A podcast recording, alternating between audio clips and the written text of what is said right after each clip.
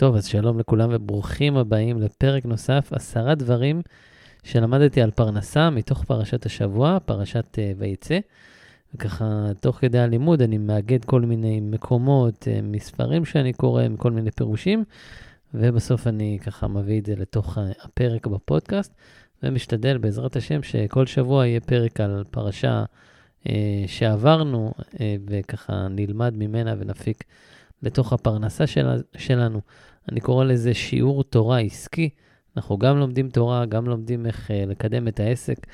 מה יותר נפלא מזה? אני לא חושב שיש. אז בואו וישר uh, נתחיל לצלול uh, בחומר מתוך uh, השיעור הזה. Uh, בכלל, ככה למי שלא מכיר, הפודקאסט עוסק בכל מה שקשור לחיבור של בין יהדות לפרנסה, באמת לראות איך אנחנו יכולים להשפיע יותר הצלחה מתוך התורה, מתוך החוכמה היהודית. ואחד הדברים שאני ככה משתדל להביא, זה בעצם על לימוד מתוך פרשת השבוע, עשרה דברים שאפשר ללמוד מתוך הפרשה על הפרנסה שלנו. אז בואו נתחיל בדבר הראשון. הדבר הראשון זה בעצם כשיעקב אה, מבקש מהקדוש ברוך הוא, הוא ככה נותן איזשהו אה, נדר, והוא אומר, אם יהיה אלוקים עמדי, ושמרני בדרך הזה. וככה שואל אה, שאלה בתוך ספר לימוד יומי שאני מאוד מאוד אוהב, שנקרא לפחות חמש דקות תורה ביום, והוא אומר, אה, מה זה השאלה הזאת? מה זה אם יהיה אלוקים עמדי? מה זה מציב לו תנאים? מה, מה זה הדבר ה... אתה אומר, אם אה, אני אקבל, הוא אומר, ושמרה אני בדרך, אז אשר אנוכי הולך, ונתן לי לחם לאכול ובגד ללבוש, ושבתי ושלום על בית אבי, ואז הקדוש ברוך הוא יהיה לי לאלוקים. כאילו, מה זה, איזה תנאים עם הקדוש ברוך הוא? אז זה לא בדיוק. מה שהוא ככה מביא פה תירוץ אה, מאוד יפה. אומר אה, יעקב לקדוש ברוך הוא, אני מבקש אוכל ובגדים ושתשמור עליי, אבל כל זה בשביל ש... והיה השם לי לאלוקים, כדי שאוכל לעבוד אותך. כלומר, כל הבקשות זה לא בשבילו, זה לא בשביל הגוף, זה בשביל שיוכל לעבוד את הקדוש ברוך הוא. וככה, שקראתי את זה, אמרתי, וואי, איזה אה, מדהים זה, כי זה באמת תלוי בכוונה שלנו. אז אותו דבר זה גם אה, לעסק. אנחנו יכולים לעשות בשביל העסק, בשביל הפרנסה, בשביל ההצלחה, בשביל כל כך הרבה סיבות, אבל הסיבות אולי לא נכונות, אבל אם אנחנו עושים את זה לא בשביל לקבל יותר כסף, אלא כדי להשפיע, כדי ל- ל- להביא את השליחות שלנו לעולם, ולהבין שהכל מחובר לא בשביל הגאווה שלנו, אלא הכל מחובר לקדוש ברוך הוא. אז זה ממש, אנחנו עובדים ב- בעסק, זה, זה עבודת השם, גם אם זה דברים חומריים. וכשאנחנו מחברים את הקדוש ברוך הוא איתנו לעסק, את כל ההוויה שלנו, שהיא בשביל להיטיב כמו שהבורא מיטיב, אז הקדוש ברוך הוא שולח לנו שפע של ברכה והצלחה, כי זה בעצם המטרה שלשמה הוא, הוא הביא אותנו לעולם, לשמה הוא יצר את העולם, בשביל שאנחנו נעשה טוב וניטיב לאחרים כמו שהוא מיטיב עמנו. אז זה הדבר הראשון, זו נקודה מאוד מאוד יפה. מאיפה אנחנו מבקשים את הדברים? האם מצד עצמנו, אנחנו שמים יעדים, שמים דרישות, שמים כל מיני מטרות, האם זה מצד עצמנו, בשביל לנפח את האגו, או בשביל מטרה הרבה הרבה יותר גדולה, והיא לא בשבילנו, היא בשביל השליחות שלנו, ואז משם הקדוש ברוך הוא שולח לנו שפע של ברכה והצלחה. אז הדבר השני זה בעצם על נדירת הנדר, כלומר שיעקב נודר את הנדר, נאמר וידר יעקב נדר לאמור. ואומרים חז"ל במדרש, טוב לידור נדר בשעת צרה. כלומר, בשעת צרה, טוב לידור נדר. מגיע זרע שמשון ושואל שאלה מאוד יפה. אנחנו יודעים ששלמה המלך בספר קהלת אמר, טוב אשר לא תידור משתידור ולא תשלם. אז איך בעצם פה כן אומרים לנו חז"ל שטוב לידור נדר? מה זה, זה נראה כאילו זה סותר אחד את השני. אבל זה לא בדיוק ככה. כי כשאדם נודר נדר בשעת צרה, הוא לא ירגיל את עצמו. כלומר, שלמה המלך שאמר, טוב אשר לא תידור, כי בן אדם ירגיל את עצמו לדור נדרים ולא יקיים אותם, וכשבן אדם נודר נדר ולא מקיים, אז הוא מביא על עצמו אה, קללה. אה, ובעצם אה, כשאדם נודר נדר בשעת צרה, אז הוא לא ירגיל את עצמו, כי זה רק בשעת צרה, אז הוא לא יבוא לידי הרגל. ובשעת צרה, וכשבן אדם נודר נדר, הוא מביא על עצמו חיבור הרבה הרבה יותר גדול לקדוש ברוך הוא. אז ככה סתם ביום-יום, לא טוב לידור נדר, אבל בשעת צרה, טוב לידור נדר, ורצוי לידור נדר, כי זה מקרב לקדוש ברוך הוא, וזה בעצם פותח איזשהו פתח שבן אדם נודר נדר ומקיים אותו כמובן, אז, אז הוא מביא על עצמו ברכה בזה שהוא ככה עשה התקרבות לקדוש ברוך הוא. אז מה שאני ככה לקחתי אה, לעצמי, שלא נהיה בשעת צרה, אבל כשקורה שאנחנו בשעת צרה, אז יש לנו את הכוח הזה לדור נדר, לקיים אותו, להתחייב אליו, ומשם להביא על עצמנו ישועה, ברכה, הצלחה בכל מה שאנחנו צריכים. אז זה איזשהו ככה דבר נוסף מתוך פרשת השבוע. הדבר השני, לידור נדר בשעת צרה זה דבר טוב, זה מביא על עצמנו ברכה והצלחה ברגע שאנחנו מקבלים על עצמנו קבלה וגם מקיימים אותה, וככה הקדוש ברוך הוא מגיע לעזרתנו. הדבר השלישי, שככה קראתי לו שערי שמחה, ובעצם היכולת שלהם, אז אנחנו אפילו חוזרים קצת אחורה, ממש לתחילת הפרשה. נאמר שכשיעקב יצא מבאר שבע, וילך חרנה, ויפגע במקום, וילן שם כי בא השמש. ובעצם יעקב נשאר לישון, כשהוא ממש פתאום השמש נחבטה, אז הקדוש ברוך הוא קיבע את השמש, וזה הרמז, רשום כי בא, כי בא השמש, זה בעצם קיבע את השמש. בתורה זה רשום עם ב' וא', אבל בעצם הקדוש ברוך הוא קיבע את השמש, כדי שיעקב יישאר וילון שם. ובעצם פתאום מגיעה ליעקב החשיכה, וזה נראה לפעמים לנו כבני אדם, שיש לנו כל מיני מצבים שקיבעו עלינו את השמש, שיש חושך, שיש איזו הסתרה. אז זה לא בדיוק ככה, כי, אה, אני מביא מתוך אה, אה, גיליון באר הפרשה, אומר ככה, מלמד שהשקיע הקדוש ברוך הוא גלגל חמה שלא בעונתה. משל, לאוהבו של מלך שבא אצלו לפרקים. אמר המלך, כבו את הנרות, כבו הפנסין, שאני מבקש לדבר עם אוהבי בצנעה. כך השקיע הקדוש ברוך הוא גלגל חמה, שלא בעונתה, בשביל לדבר עם יעקב בצנעה. כלומר, הקדוש ברוך הוא רצה להוריד את השמש כדי שיעקב יישן במקום ההוא, כדי שהוא יחלום את החלום, וכדי שהוא יתגלה אליו, וכל זה מתוך אהבה. והרבה פעמים בעצם אנחנו מרגישים שיש לנו איזה חושך בחיים, שיש לנו איזה הסתרה.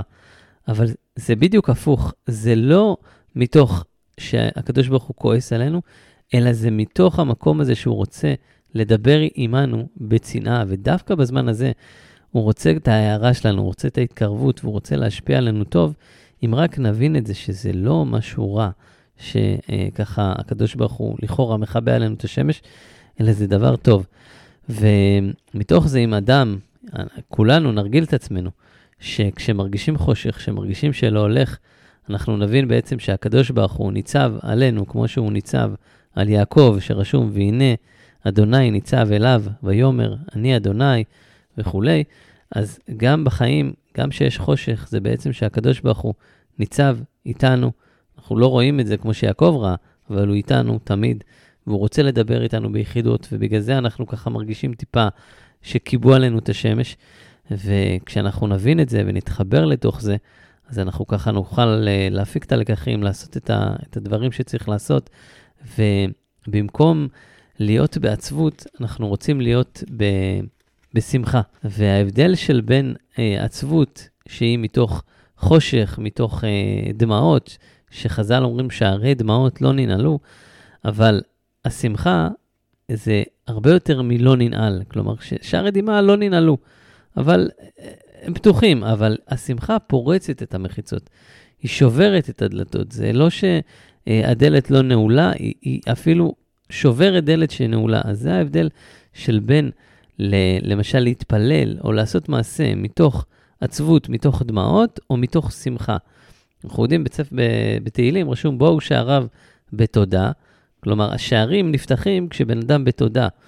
בואו שעריו בתודה, אה, זה בעצם משהו מאוד מאוד חזק, שאתה רוצה לפתוח את השערים שלו. ובעצם מתוך השמחה, מתוך זה שבן אדם גם בזמנים שהם יותר קשים, אבל הוא בשמחה והוא מבין שזה לטובתו, מתוך זה הוא יפתח לו שפע של הצלחה, שפע של ברכה במעשה ידיו. הדבר הרביעי, זה פתגם מאוד מאוד אה, נפוץ גם בימינו, כשיעקב אה, עושה תנאים עם אה, לבן על רחל, שיעבוד בעד רחל, אז הוא אומר לו, אני אעבוד בעד רחל, בתך הקטנה. כלומר, לא, הוא ממש הדגיש רחל, הוא לא אמר רחל, לבן שהיה רמאי, כבר כל הפרשה אנחנו רואים את הרמאויות שהוא עשה עם יעקב, אבל הוא אמר לו רחל, אז הוא יכול להביא רחל מהשוק או מכל מקום. בתך יכול להגיד יש לי בת שהיא גם אה, לאה. והקטנה, כלומר, ממש הוא נתן לו דגש ברחל בתך הקטנה, עד היום אנחנו אומרים את זה ברחל בתך הקטנה, שאנחנו רוצים ככה לדקדק ולראות שהכול אה, בסדר. אז ככה, משהו שאני, אה, קפץ לי, זה, ברחל בתך הקטנה זה בעצם ההשתדלות.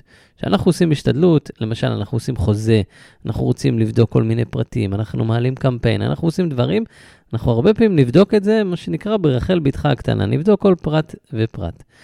אבל בתוך זה אנחנו צריכים לזכור שרצון השם הוא זה שקובע. כלומר, אנחנו יכולים להגיד, רגע, אם אני בדקתי הכל, כמו יעקב, ברחל בתך הקטנה, והכל היה ברור, והכל היה מסודר, והכל היה פיקס, אז זה צריך להצליח. לא, עובדה, יעקב עשה עם לבן דיל ברחל בתך הקטנה, ואת מי הוא קיבל? את לאה. אז כלומר, גם אם אנחנו עושים את כל ההשתדלות כמו שצריך, כמו שאנחנו צריכים לעשות אותה, לא צריך לזלזל בהשתדלות, אבל לא לחשוב שבגלל ההשתדלות זה יצליח. ולבן הצליח לרמות את יעקב לא בגלל שלבן רמאי, אלא בגלל שהקדוש ברוך הוא הסכים לזה. כלומר, שהייתה גזרה שלאה תתחתן עם יעקב. וזה גם סיפור מאוד מאוד יפה, לא נרחיב בו כרגע, אבל לאה הצליחה, הייתה אמורה אה, להיות זיווג של עשיו, ובזכות התפילות השתנה הזיווגה ליעקב, ובגלל שהשתנה הזיווג, אז גם לבן הצליח את הרמאות שלו. כלומר, לבן לא הצליח, לבן לא הצליח את הרמאות בזכות עצמו, אלא הוא הצליח בזכות זה שהייתה גזרה, ובזכות התפילות של לאה, וככה היא הפכה לאשת יעקב.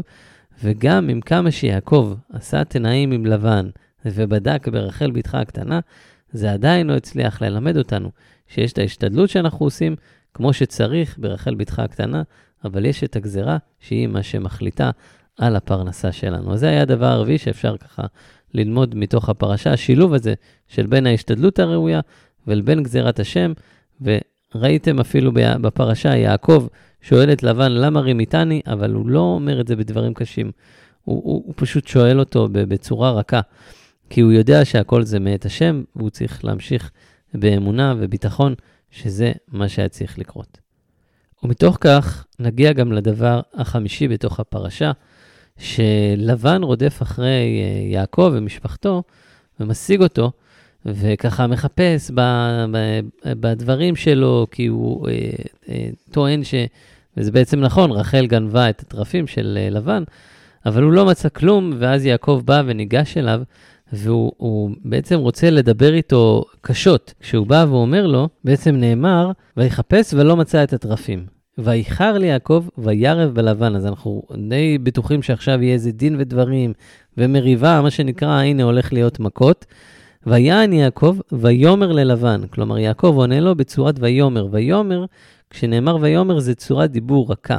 וידבר זה צורת דיבור קשה, וויאמר זה צורת דיבור רכה. אז כבר מויאמר אנחנו אומרים, רגע, מה, מה קרה פה? רשום, ויחר לי יעקב, וירב בלבן, ויען יעקב ויאמר. כלומר, זה עדיין עם כל הכעס וכל מה שעלה ליעקב, מה שנקרא, אז הוא עדיין דיבר איתו דברים רכים, ומה הוא אומר לו? זה פה, זו נקודה מאוד מאוד יפה. הוא אומר לו, מה פשעי, מה חטאתי, כי דלקת אחריי. כלומר, הוא מסתכל על זה בצורה שזה אני, מה אני חטאתי? הוא אומר, יעקב יודע שזה הכל השתקפות שלנו, זה הכל תלוי בנו, זה הכל מה שקורה זה בגזירת הקדוש ברוך הוא, וזה בגלל המעשים שלנו. ולכן הוא שואל, מה פשעי ומה חטאתי?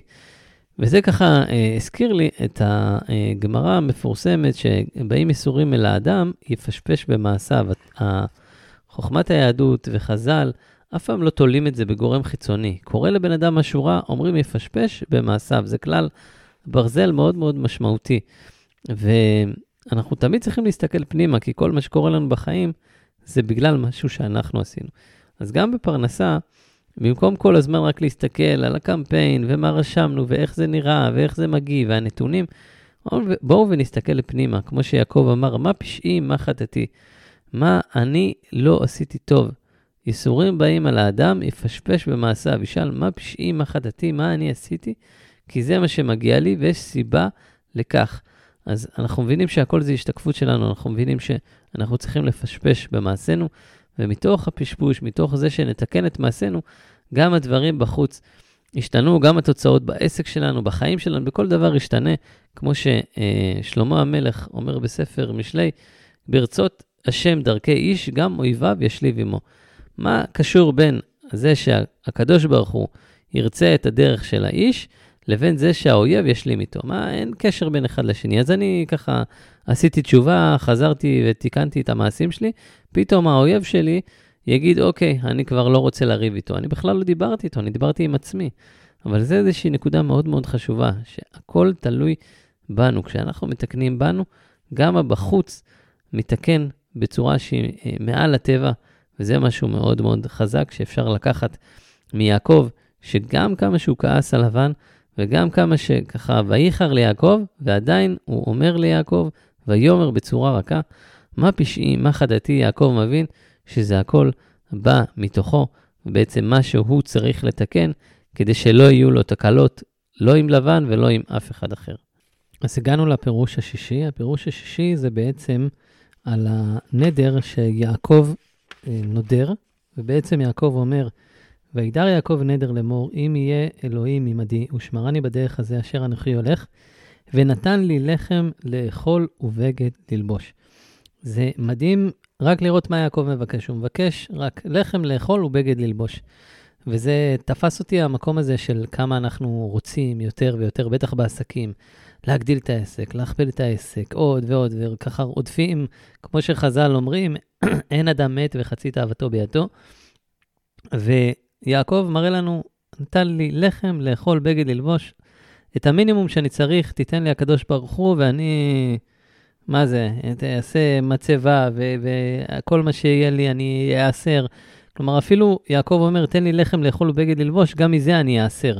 כלומר, הפשטות, הצניעות, המינימום שצריך בשביל החיים, וזה מה שמספיק ליעקב אבינו. ואנחנו יודעים שבסוף הפרשה נאמר ביעקב, ויפרוץ האיש מאוד מאוד, ובעצם יעקב התעשר אחרי 20 שנה אצל לבן, וכל מה שקרה, למרות שלבן רימה אותו, וכל זה בזכות הקדוש ברוך הוא. מה הנקודה שאני בא להגיד? לפחות שאני ככה, זה קפץ לי ממש. המקום שיעקב מבקש קצת, ובסוף פורץ במאוד מאוד, זה הצניעות הזאת בחיים שלנו. שאם אנחנו ניקח ונגיד, אני לא מחפש עכשיו לעשות אה, הצהרות גדולות ומיליוני שקלים, זה מדהים שזה יקרה, זה גם קרה לכל האבות, כל האבות היו אה, עשירים מאוד, אבל זה קרה להם בזכות הצניעות. הם לא רצו, הם לא, הם לא ביקשו, הם ביקשו בגד לאכול, אה, לחם לאכול ובגד ללבוש. אבל בזכות זה שהם היו צנועים וזה מה שהם רצו, אז הקדוש ברוך הוא אמר, אני אתן לכם שפע ואושר שלא יתואר, באמת, אברהם, יצחק ויעקב היו עשירים כקורח, מה שנקרא, באמת אושר עצום. וזה מזכיר גם את אה, אה, רבנו בחיי בשער הביטחון, בספר חובות ולבבות, נותן שם שני דברים איך להוריד מאדם את עול הפרנסה.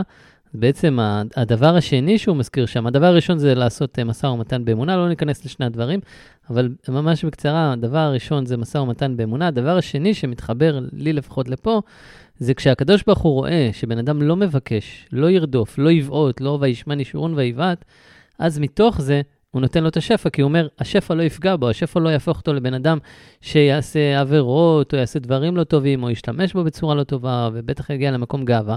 כשהוא באמת רואה בנפש שלו, פנימה, עמוק, בוחן כליות ולב, אה, כשהוא רואה שאנחנו מגיעים למצב הזה, ולפעמים אנחנו אומרים, אני במצב הזה, אבל אנחנו לא, כי אנחנו לא מסתכלים מספיק פנימה כמו הקדוש ברוך הוא. כשהוא רואה שזה קורה, אין בעיה מבחינתו לתת לבן אדם שפע, כי הוא יודע שהוא לא יבעט.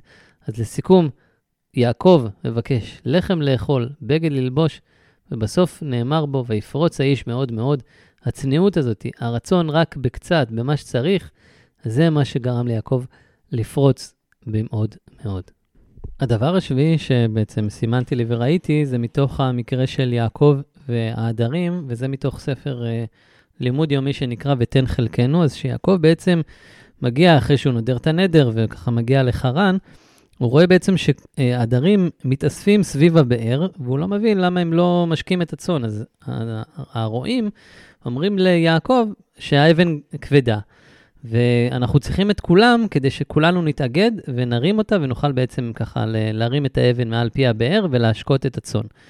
ופה מביא קטע מאוד מאוד יפה בשם רבי שמעון רפאל הירש, זכר צדיק לברכה, והוא מסביר ככה, הוא מסביר שזו הייתה תוצאה של חוסר אמון הדדי, עינו של כל אחד הייתה צרה בשל חברו, אולי הוא ישב דלי אחד של מים יותר ממנו, ולכן הם הניחו אבן גדולה על פי על באר.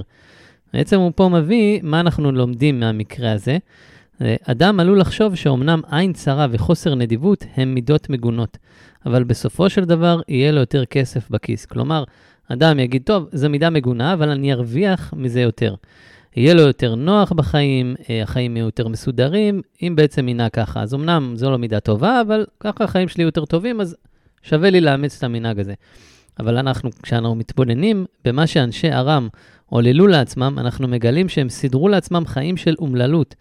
אדם חרוץ שרצה לקום השכם בבוקר ולצאת למרעה עם צונו, לא יכול לעשות זאת. מי שעבר במקום ורצה לשתות קצת מים לפני שהגיעו כולם, לא יכל לעשות זאת. כלומר, הוא בא ואומר, מאוד מאוד יפה, שאדם חרוץ בא ורוצה להשקות את הצאן שלו, אבל הוא לא יכול כי הוא היה צר לפני זה, אמר, אני לא יודע כמה החבר שלי ישקה, ישקה יותר, ישקה פחות, אני רוצה שיהיה אבן, וכולנו נגיע ונדע בדיוק כמה כל אחד משקה. אבל הדבר הזה פוגע בחיים. והמסקנה שפה הוא מביא בספר, כשהעין צרה במה שמגיע לאחרים, הנזק הוא לבעל העין. כשהעין שמחה במה שמגיע לאחרים, הרווח הוא לבעל העין. ומפה אפשר ממש לקחת וללמוד כמה אנחנו יכולים ל- להיות שמחים באחרים. אנחנו לא צריכים לשים, אה, להיות צרים בהצלחה של מישהו אחר, היא לא משפיעה עלינו, כמו שגם נאמר בגמרא, אין אדם נוגע במוכן לחברו. ובעצם מתוך כך, אדם יכול לחיות הרבה יותר בקלות הוא בעצמו, הוא לא נפגע מזה שהוא מקשה על אחר, והוא בחיים שלו גם טוב לו והוא שמח. אז גם המידה המגונה הזאתי עושה רק רע בחיים, מעבר לזה שהיא מידה מגונה. וכבר שלמה המלך אמר, טוב עין הוא יבורך. אז בעצם, כשבן אדם הוא טוב לאחרים, הוא גם הוא בעצמו מרוויח מהשמחה בחיים שלו, בזה שהחיים שלו יותר קלים, וגם הוא זוכה בעצמו לשפע רב והצלחה, מתוך זה שהוא מפרגן ולא צר עין. וזה אה, קטע מאוד מאוד מקסים שאפשר ללמוד מתוך המקרה עם אה, הפגישה של יעקב עם רועי הצאן, שמחכים לכולם לגלול את האבן מעל פי הבאר. אז הקטע השמיני, ככה מתוך הפרשה, זה קטע מאוד uh, מיוחד. אם מסתכלים ככה על כל מיני פירושים יפים שלפחות אני מצאתי, אני אביא שניים. מתוך uh, המקרה שיעקב בא לרחל ולאה לשדה, ואחרי שהקדוש ברוך הוא נגלה עליו ואומר לו, שוב אל ארץ אבותיך ולמול, ולמולדתך ואהיה עמך, אז יעקב בא וניגש לרחל ולאה ומתחיל איתם מה שנקרא דין ודברים, לכאורה מאוד מאוד תמוה. במקום היינו מצפים שיבוא ויגיד, הקדוש ברוך הוא נגלה אליי, בואו לוקחים הכל ועולים לארץ. הוא בא ואומר להם, ראה אנוכי, רואה אנוכי את פני אביכם, כי איננו אליי כתמול שלשום, ואלוקי אבי היה עמדי, ואתנה ידעתן, כי בכל כוחי עבדתי את אביכם, ואביכם היטל בי, והחליף את משכורתי עשרת מונים, ולא נתנו אלוקים להרע עמדי. אם כה יאמר נקודים יהיו שריך, וילדו כל הצאן נקודים, ואם כה יאמר עקודים יהיו שריך, וילדו כל הצאן עקודים, ויצל אלוקים את מקנה אביכם וייתן לי. ופה הוא ממשיך, אה, ואז הוא, ורק אחרי זה הוא, הוא ניגש ואומר להם שהקדוש ברוך הוא נגלה אליו, ואומר לו לעלות ל- ל- לארץ. יש פה עוד כמה פסוקים, ש... כלומר, קטע מאוד מאוד ארוך ומאוד מאוד תמוה למה יעקב היה צריך לעשות את כל ההקדמה הזאת. אה, אפשר להגיד שהוא היה צריך להסביר לרחל ולאה שבעצם אה, צריך לעזוב, הוא ככה נתן איזה כמה דברים לפני, אבל רחל ולאה היו שתי נביא, נביאות, הם שתיהם ידעו בדיוק שאם הקדוש ברוך הוא נגלה ליעקב, יאללה, הגיע הזמן, לא צריך באמת יותר מדי. אז קטע ראשון שככה לקחתי וגם נחבר אותו לפרנסה, אה, הקטע הראשון זה אה, מתוך ביאור של השל, על השלה הקדוש. הוא אומר ככה, כי אין ראוי לאדם כשירצה דבר מה מאנשי ביתו, שיכריחם על זה באונס, אף כשהוא מושל בהם. אבל ישתדל לפתות אותם אל מה שירצו בתכלית, מה שאפשר, כדי שיתעוררו לזה מעצמם.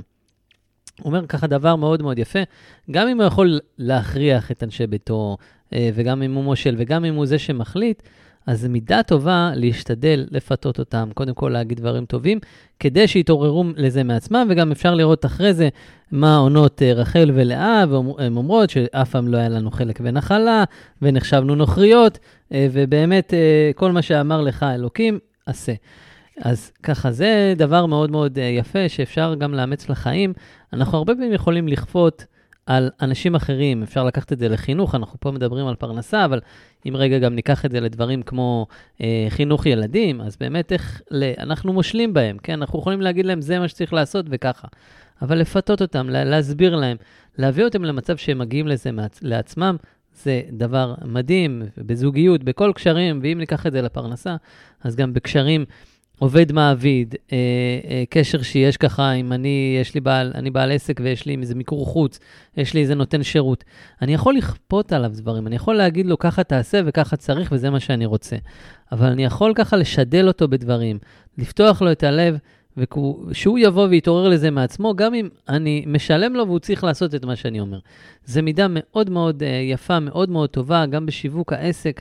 אני יכול לכאורה לכפות על אנשים את הדעה שלי, או לבוא בגישה ככה שאני פותח להם את הלב וגורם להם, אה, מפתה אותם שהם יתעוררו לזה מעצמם והם יגיעו להתעוררות הזאת ויעשו את הצעד מתוך מקום של אה, העצמה ולא מתוך מקום של, טוב, אין לי ברירה, יאללה, אני רוצה שינוי. וזה הבדל מאוד מאוד משמעותי, גם איך שאדם עצמו אה, הולך ומונה לפעולה ועושה את הדברים, וגם איך שהוא בא אלינו לעסק והופך להיות לקוח.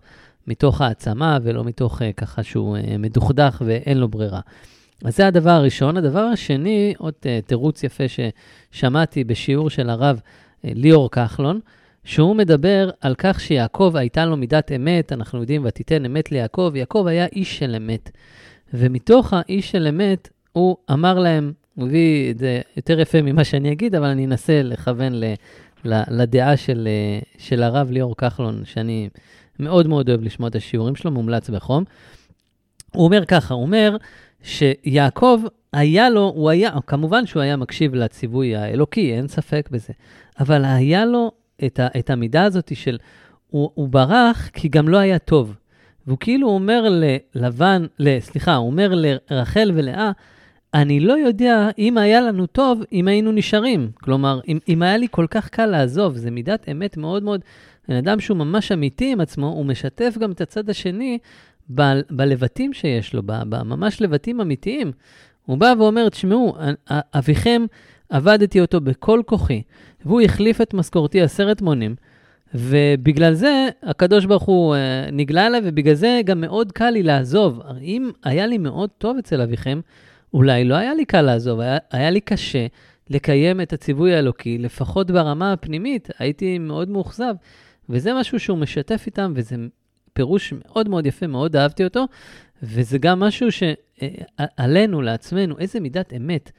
אנחנו צריכים לאמץ לעצמנו בחיים, לאמץ עם אנשים, לאמץ גם החוצה, בשיווק העסק, במכירות, בכל דבר שקשור לאינטראקציה עם אנשים, כדי באמת לזכות להצלחה הזאתי, ומתוך ה... שאנחנו אנשי אמת, גם הקדוש ברוך הוא משפיע עלינו שפע של הצלחה, כי אין מידה שהקדוש ברוך הוא יותר אוהב ממידת האמת, אמת שמביאה לשלום, יש גם אמת שמביאה למריבות. אנחנו כמובן מתייחסים לאמת פנימית שמביאה לשלום. אה, גם בפרשה, אולי נקדים קצת טיפה, בפרשה אפשר לראות, אה, הפרשה הבאה, פרשת וישלח, שיעקב היה יכול מצד האמת להילחם עם עשיו, היה יכול גם להרוג אותו, אבל מצד השלום הוא לא עשה את זה. ואנחנו צריכים לאמץ לעצמנו את מידת האמת עד כדי כך שממש נרגיש שכל דבר אנחנו נשתף, לפחות אם לא עם אחרים אז עם עצמנו, ונגיד, וואו, גם אם הקדוש ברוך הוא ציווה עליי, אה, שלומי, אה, יעקב, אבי, כל אחד במקום שלו, גם אם הוא ציווה עליי משהו עכשיו, אני עדיין מרגיש, וואי, יש בי איזה נקודה שהיא לא ממש שלמה, כי אם לא היה לי טוב בחיים, אם היה לי מושלם בחיים, אם כל דבר היה מסתדר, אולי לא הייתי מקיים את הציווי הזה, וזה בדיוק מה שיעקב, באמת שלו, אמר לרחל ולאה, וזה ככה נקודה מאוד מאוד יפה שאנחנו יכולים לקחת לחיים שלנו, להצלחה בכל דבר, בכל מערכת יחסים, ובעיקר עם עצמנו. הדבר התשיעי מתוך הפרנסה זה בעצם ככה המקרה בעצם שיעקב מתעשר, שיעקב ככה עושה דיל שנקרא עם לבן, דיל שעל פניו לא היה אמור להיות לטובתו, אבל הקדוש ברוך הוא היה בעזרו והשפיע עליו, ובואו נראה מה אפשר ללמוד מזה גם לחיינו. אז בעצם קראתי לזה בכוח המחשבה, ליצור כבשים נקודים, למה שלא ננצל זאת כדי להשפיע על הצלחתנו? אז בעצם אחרי 20 שנה שיעקב עובד את לבן, הוא עורך עמו הסכם. יותר נכון, אחרי 14 שנה שיעקב עובד עם לבן, הוא עורך איתו הסכם, בעצם מה יהיה שכרו. ובעצם יעקב ולבן עורכים הסכם כזה שכל הכבשים שייוולדו חלקות יהיו שייכות ללבן, וכל הכבשים עם הנקודות יהיו שייכות ליעקב. וזה בעצם יהיה השכר שלו. עכשיו, ההסכם הזה, על פניו, מי שיסתכל על החוזה, יגיד, עבדו עליך, עשית עסקה גרועה, כי הרי אנחנו יודעים שלרוב הכבשים נולדים חלקים, ורק אחת לכמה זמן יוצאת כבשה עם נקודות. וכמובן שלבן אה, ישר הסכים להסכם, אמר, אה, כך, כאילו, איזה פראייר אתה. אבל יעקב יותר חכם ממה שנראה לעין. לבן, שהיטל ביעקב מאה פעמים, לא יכל להילחם בכוח המחשבה של יעקב, וכמובן עזרת הקדוש ברוך הוא. מה עשה יעקב? הוא השתמש בכוח המחשבה לכבשים. הוא שם להם מקלות עם פסים, ואת המקלות שם יעקב בקשתות המים של הכבשים.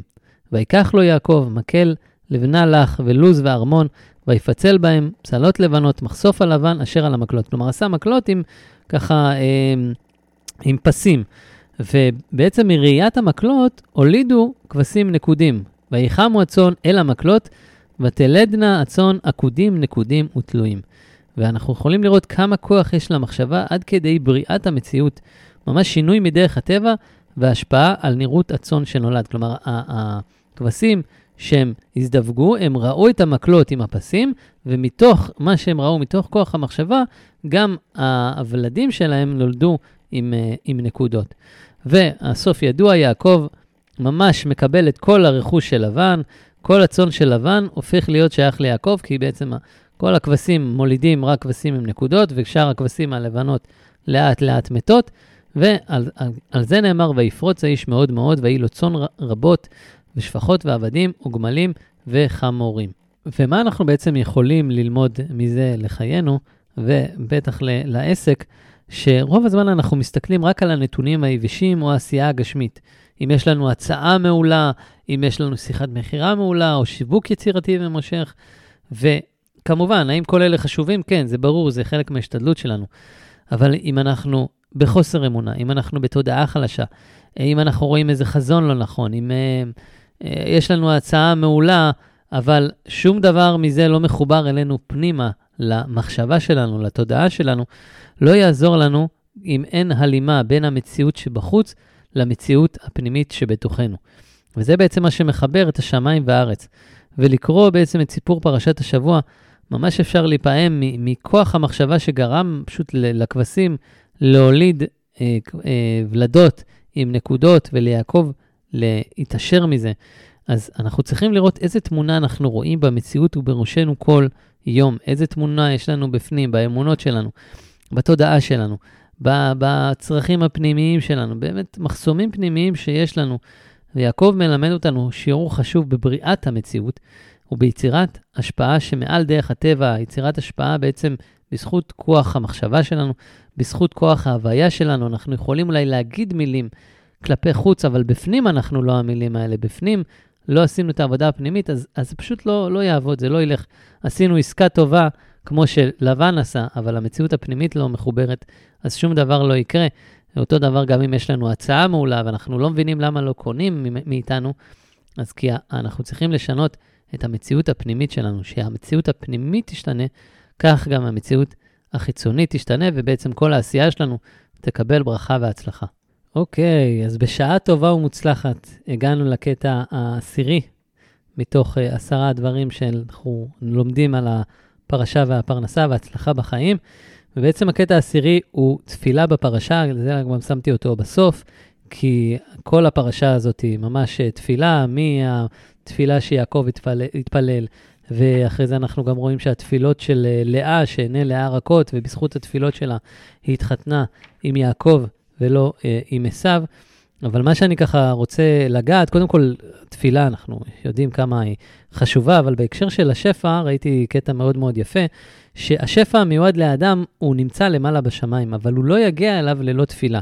כלומר, בן אדם נגזר עליו שפע, אבל ללא התפילה הוא ממש לא מוריד את השפע. למה הדבר דומה? כמו כסף שיש לנו בבנק, יש לנו אפילו מיליון שקל בבנק, הוא, הוא לא קיים, נכון? אם אנחנו לא נוציא אותו, אפילו ניקח את הכרטיס, נכתוב צ'ק וניתן אותו, אי אפשר יהיה להשתמש בכסף. אז אותו דבר, זה כמו איזה כסף בבנק של השמיים שנמצא, וכמו שאנחנו מוציאים כסף מהבנקת עם כרטיס, אז אנחנו מושכים כסף מלמעלה עם התפילה שלנו, וזה קטע מאוד מאוד יפה, משל מאוד מאוד יפה.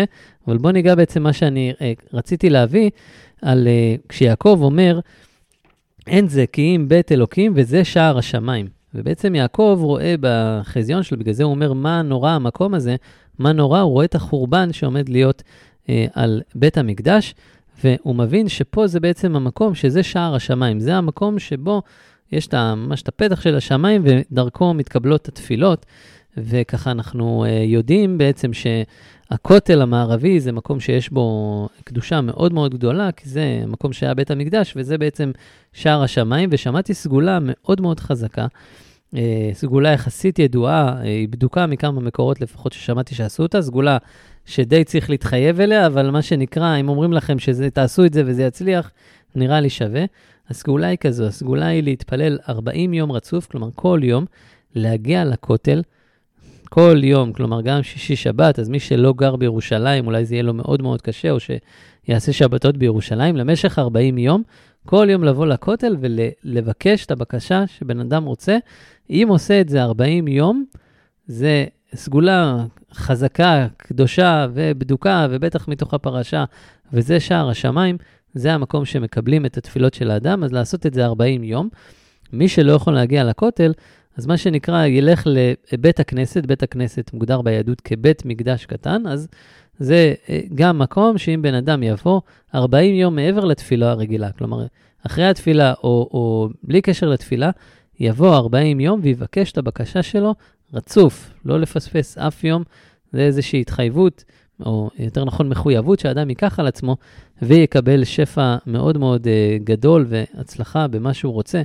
אז מי שככה רוצה לנסות, לאמץ, לא פשוט, אני כבר אומר, זה נשמע על הנייר, 40 יום, טוב, מה זה 40 יום? אבל בן אדם מתחיל, פתאום יום עשירי, יום 20, יום 30, רגע לפני הסוף, שכח איזה יום, קרה משהו, משהו שצריך להתחייב, בטח אם בן אדם לוקח על עצמו את הסגולה של uh, לבוא להתפלל בכותל. אני אומר לכם, שמעתי מכמה אנשים שמכירים את הסגולה שעשו אותה, והדברים עבדו בצורה פלאית. אז אנחנו ככה uh, נגיד משהו uh, מאוד מאוד יפה מתוך פירוש של uh, uh, הזרע שמשון, מתוך uh, ספר שנקרא מעבר לסגולה. הספר מעבר לסגולה זה ספרו של הרב אליהו עמר, שהוא מפרש את הזרע שמשון, שהוא היה אה, מקובל מאוד מאוד גדול לפני 250 שנה, יש לו פירושים על התורה מתוקים מדבש, יש לו פירושים גם על עוד אה, כמה אה, דברים של בחז"ל, אבל אה, ככה הספר הזה ממש מתמצת ולוקח ומעמיק ומאוד מאוד יפה, מאוד מומלץ. זה מתוך פרשת ויצא, הוא מביא סיפור מאוד מאוד יפה על מעלת בית הכנסת, ובטח מעלת כבוד בית הכנסת. אז כמו שיעקב ככה נחרד ואמר, זה שער השמיים, אני ככה לא התנהגתי, אה, אם הייתי יודע, הייתי מקדש את המקום יותר. אז גם כבוד הבית כנסת, בואו נקרא סיפור ובזה נסיים, ונראה באמת את המעלה של בית הכנסת ונחבר את זה לתפילה ולהצלחה. אז כאן אה, ראוי לציין סיפור השגחה מופלא שהתרחש לפני מספר שנים. הזמן זה חודש אלול תש"ע, כלומר זה קרה לפני 12 שנה, סיפור, סיפור מימינו, לא סיפור, אה, אנחנו שומעים סיפורים על לפני כמה מאות שנים וזה נראה לא קשור, אפשר לבדוק את זה, זה סיפור, סיפור שקרה, זה נמצא גם באינטרנט. השעה הייתה 10 בלילה, המיקום בכביש המוביל ליישוב מעלה אפרים בשומרון. הרב משה מורנו נסע יחד עם רעייתו ברכבו, ולפתע עקף אותם רכב שנסע בפראות. הרכב הסיט את רכבו לשולי הכביש כדי לאפשר לרכב לעבור. סליחה, הרב הסיט את רכבו לשולי הכביש כדי לאפשר לרכב לעבור, אך הרכב העוקף נעצר בחליקת בלמים כאשר הוא חוסם את נתיב הנסיעה של הרב מורנו. לאחר מכן שלושה מחבלים יצאו מתוכו וריססו את הרכב בכמויות של כדורים מתת מקלע שהיה בידיהם. שמשות הרכב התנפצו, הצמיגים נוקבו, נוצרו חורים בפח הרכב ואף הרב מורנו ספג קליע ברגלו. אבל הנס הגדול שהתרחש ברגעי האימה אלו שהרב ורעייתו נותרו חיים חרף כל הכדורים שהתעופפו מימין ומשמאל. לפתע השתררה דממה. הכדורים אזלו מהמחסניות של רובי המרצחים, והם רצו לרכבם על מנת לקחת מחסניות נוספות ולהשלים את זממם.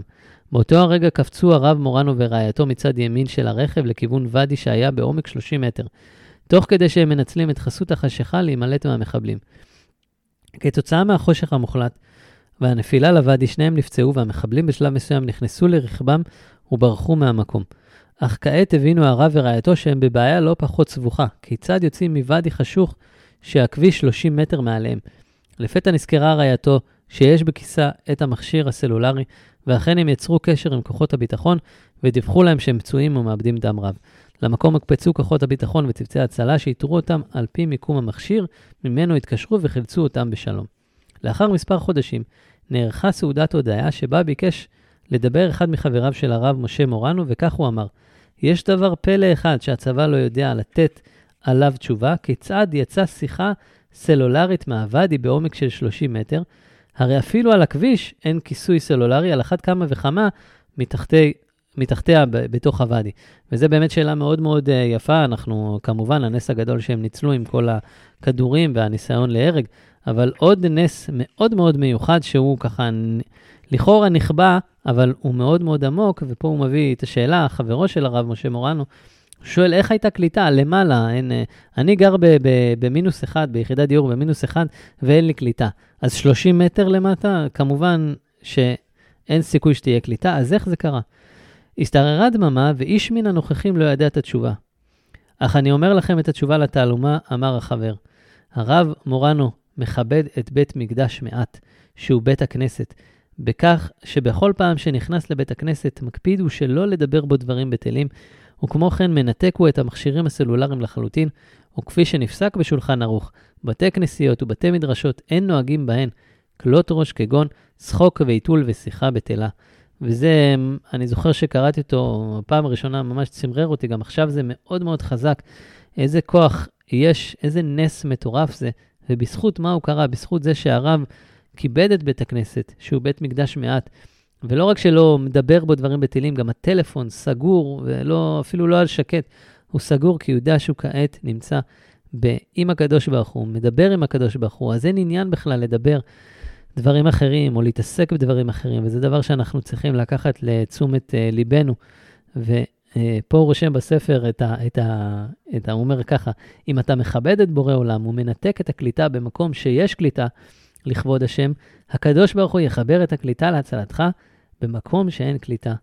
וזה, רק לקרוא את זה, זה מאוד מאוד מרגש, ואנחנו יכולים לקחת את זה לחיינו, בטח ספציפית לבית הכנסת, להגיד, עכשיו אנחנו באים לתפילה, עכשיו אנחנו מדברים, הקדוש ברוך הוא, זה המקום שבו אנחנו סוגרים הכל ונמצאים איתו ומתפללים, ואם אנחנו רוצים למשוך שפע, והתפילה שלנו, מה שנקרא, על הדרך, או אנחנו מדברים תוך כדי, מישהו היה מעז לדבר עם... Uh, עם, עם מישהו אחר בזמן שהוא בפגישה עם ראש הממשלה או, או מישהו חשוב, אין דבר כזה. אז איפה, איך אנחנו מרשים לעצמנו להתנהג בכלות ראש, בשחוק ועיתול ושיחה בטלה בבית הכנסת, ובעצם מתוך ככה גם הנס הנורא שנקר, שנעשה, מתוך זה שכשאתה, מה שנקרא, מנתק את הקליטה בבית הכנסת, הוא נותן, הקדוש ברוך הוא נותן לך קליטה במקומות שאין בהם קליטה, אז גם נוכל לקחת את זה לחיים, אנחנו רוצים ככה לקבל מהקדוש ברוך הוא ניסים, אנחנו צריכים לראות שאנחנו מתנהגים בצורה שתאפשר לנו לקבל ניסים, שמגיע לנו לקבל ניסים מצד איך שאנחנו מתנהגים, תמיד מגיע לנו לקבל, כן? אין פה עניין, בתור יהודים, אנחנו בנים של הקדוש ברוך הוא. אין פה עניין של מגיע לי, לא מגיע לי, אפשר לקבל הכל מתוך uh, מתנת אוצר חינם ומתוך uh, זכות אבות, אבל אנחנו רוצים להתנהג בצורה גם שתאפשר לנו לקבל את זה ב- ביותר קלות, שיהיה לנו זכויות ושיהיה לנו את היכולת אה, שהקדוש ברוך הוא יראה בעצם שאנחנו מתנהגים כמו שצריך בחיים, הוא גם יבוא ויגיד, אני רוצה לתת לבן אדם את מה שמגיע לו, מתוך זה שהוא אה, עושה את הדברים בצורה טובה, בצורה מכובדת, מה שנקרא, כי מכבדיי אכבד. אז אה, שמחתי מאוד, אלו היו עשרה דברים מתוך הפרשה, אני ממש אשמח לשמוע מה אתם חושבים, מה יש לכם כמובן להעיר אה, באלף, להעיר בעין, אה, ואני מקווה שהדברים ככה אה, יתיישבו על לבכם, אה, תפסו אתכם, נקודות שבאמת אה, ניתן להתעמק בחיים שלכם, ובעזרת השם ניפגש בפרקים הבאים, בפינה הזאת של עשרה דברים על הצלחה בחיים ובפרנסה מתוך פרשת השבוע.